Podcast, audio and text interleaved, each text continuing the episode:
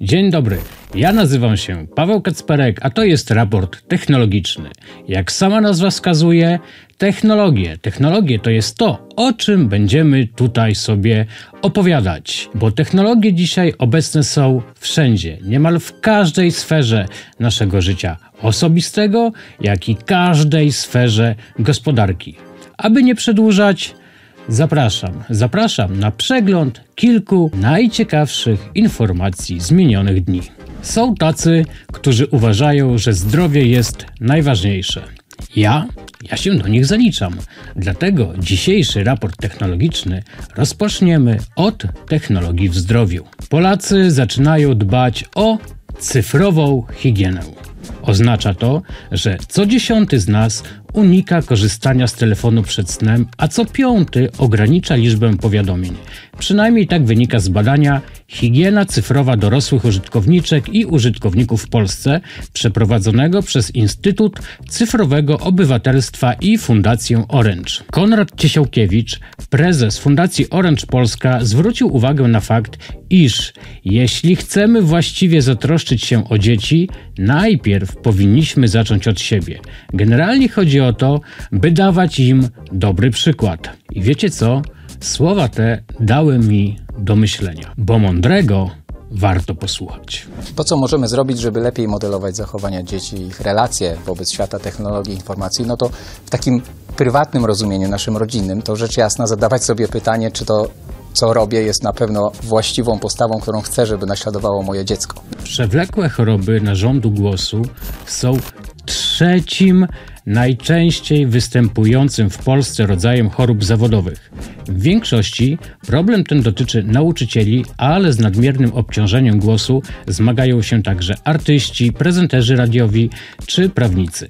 Naukowcy z Northwestern University w USA opracowali pierwsze inteligentne urządzenie do noszenia, które stale śledzi sposób, w jaki ludzie używają swojego głosu i ostrzega ich przed nadmiernym zmęczeniem aparatu mowy. Jak podkreślają lekarze różnych specjalizacji, w leczeniu chorób najważniejsza jest prewencja i szybka reakcja, a do tego potrzebna jest wiedza. Wiedza, którą mogą dostarczyć nam dane pochodzące z urządzeń IoT. Myślę, że dla osób szczególnie mocno narażonych na obciążenia głosu, taka właśnie wiedza może być zbawienna. Normalni ludzie nie hejtują. Szkoda im na to czasu. Niestety, nie wszyscy są normalni. I o ile osoby publiczne potrafią sobie z tym hejtem czasami poradzić, chociaż też nie zawsze, to szczególny problem mają z tym dzieci. Jak wynika z badania przeprowadzonego jakiś czas temu przez Instytut Lema, co trzeci uczeń bardziej boi się hejtu w internecie niż w realnym świecie. To z jednej strony pokazuje, w jakich czasach przyszło nam żyć, że dla dzieci i osób młodych to, co w online, ma większe znaczenie od tego, co w offline. A z drugiej strony że system edukacyjny kompletnie nie radzi sobie z problemem cyberprzemocy. W dobie narzędzi wspieranych przez sztuczną inteligencję i coraz bardziej zaawansowanych aplikacji do deepfake'ów, problem ten może tylko narastać. Prostego rozwiązania oczywiście nie ma. Dlaczego więc o tym mówię? Bo warto zwrócić uwagę na ten fakt i zacząć rozmawiać o tym z dziećmi. Pytać, czy są hejtowane, czy są piętnowane, czy spotkały się z taką sytuacją u siebie w klasie bądź w szkole i wreszcie powoli, ale cyklicznie i sumiennie tłumaczyć, doradzać, jak sobie z tym radzić. A teraz przechodzimy do tego, co cały czas toczy się za naszą wschodnią granicą. Jak podaje portal Defense24, Ukraińcy zaprezentowali, co znajduje się w zdobycznym rosyjskim czołgu T-90M.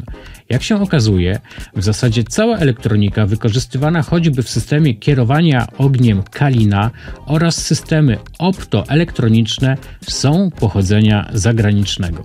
Defense24 podaje także, że układy scalone pochodzą na przykład od amerykańskich producentów takich jak Texas Instruments czy ISSI. Z kolei kamera termowizyjna jest produkcji francuskiej. Prawdopodobnie to wszystko zostało zakupione jeszcze przed inwazją, jednak pokazuje to fakt, że Rosja pod względem technologicznym bardzo polegała na zachodnich dostawcach. Czy możemy zatem spodziewać się, iż na skutek sankcji produkcja T-90M zostanie wstrzymana? Nie wiem, ale wykluczyć tego nie można. Oby tak się jednak stało.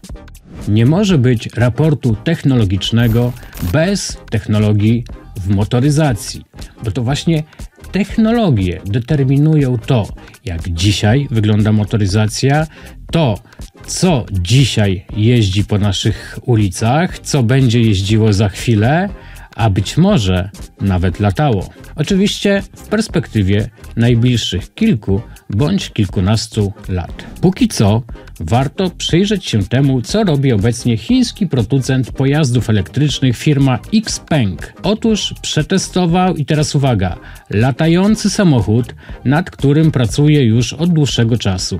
Cztery śmigła zamontowane w podwoziu unoszą pojazd w powietrze. Proces startu trwa około minuty, a sam Xpeng podobno jest bardzo głośny podczas lotu. Z czasem pewnie będzie ciszej. Czy tak zatem będzie wyglądać samochód przyszłości?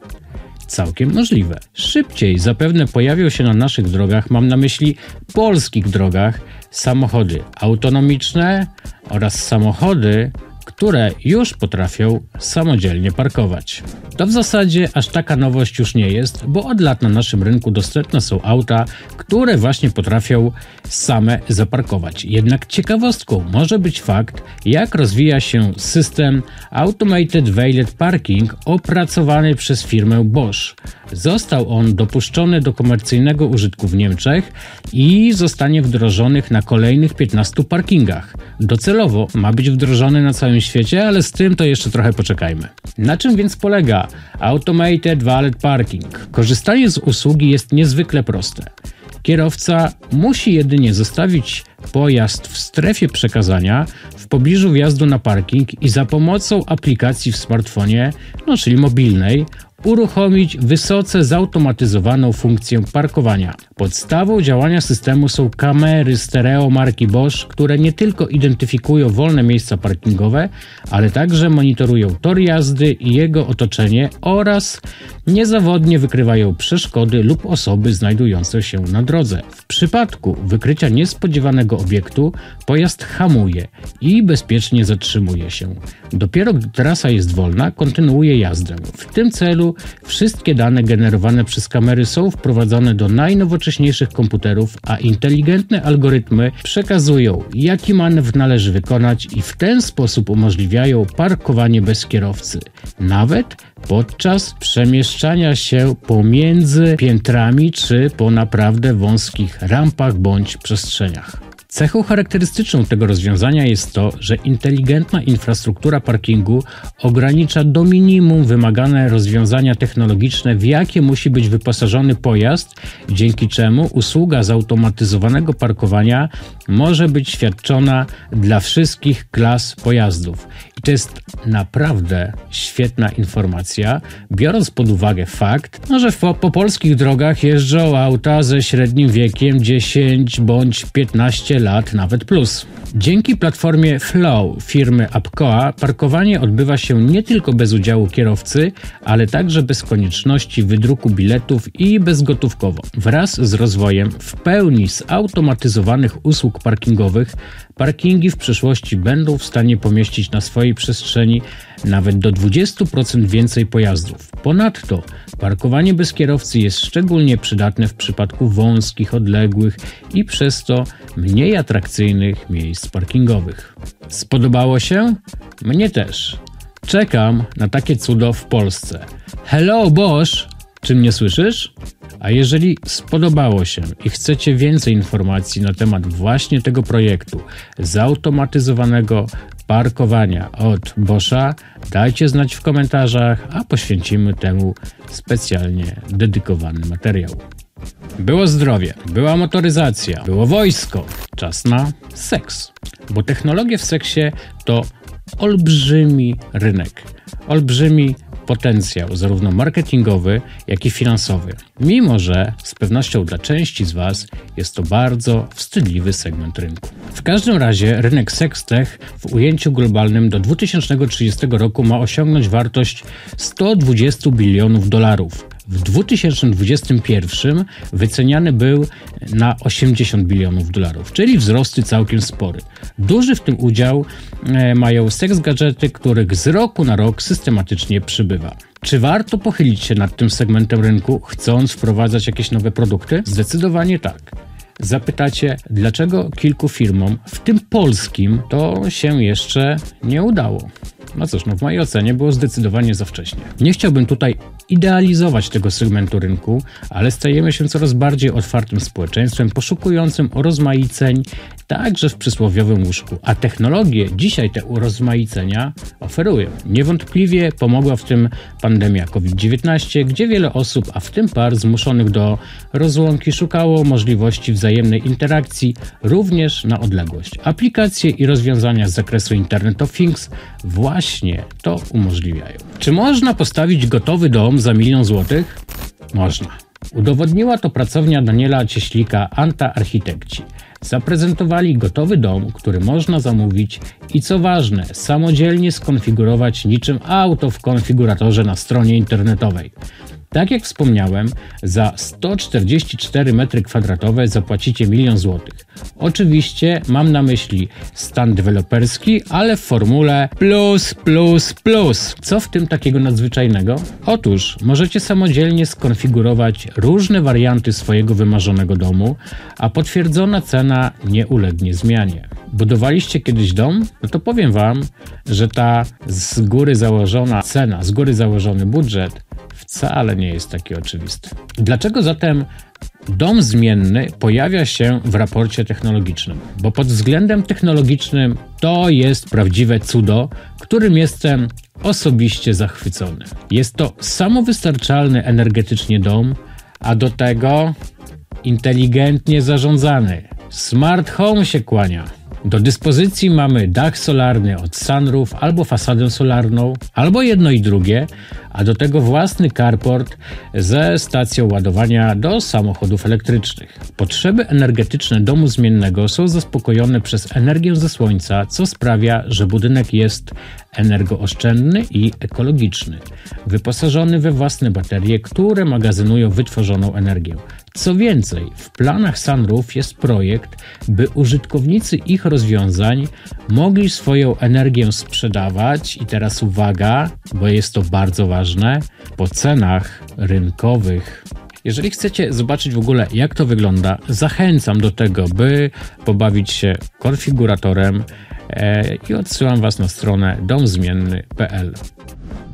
W raporcie technologicznym, oprócz przybliżania ciekawych informacji i newsów, będę Wam również polecał ciekawe wydarzenia, książki, filmy, seriale, wszystko to, co jest związane z technologiami. A oto jedna z takich pozycji, oto ona, książka Cyberbroń i wyścig zbrojeń to doskonała pozycja dla wszystkich tych, którzy chcą zobaczyć, jak kształtowały się początki cyberbezpieczeństwa w zasadzie na świecie. Głównym rynkiem, czy autorka skupia się przede wszystkim na początku na rynku amerykańskim, ale i nie tylko. A wiecie czemu jest to takie ciekawe? Ponieważ ona odkrywa to, o czym nie wszyscy wiedzą, z czego sobie nie wszyscy zdają sprawę. Pisze wprost o tym, jak w dużym stopniu w cyberbezpieczeństwo, czy nawet w cyberprzestępstwa, czy w nielegalne hakowanie różnych krajów był zaangażowany rząd Stanów Zjednoczonych. Słuchajcie, rewelacyjna książka, którą gorąco, gorąco i jeszcze raz gorąco polecam. To był raport technologiczny. Przypominam i w zasadzie gorąco zachęcam do subskrybowania, lajkowania i komentowania. Do zobaczenia za tydzień.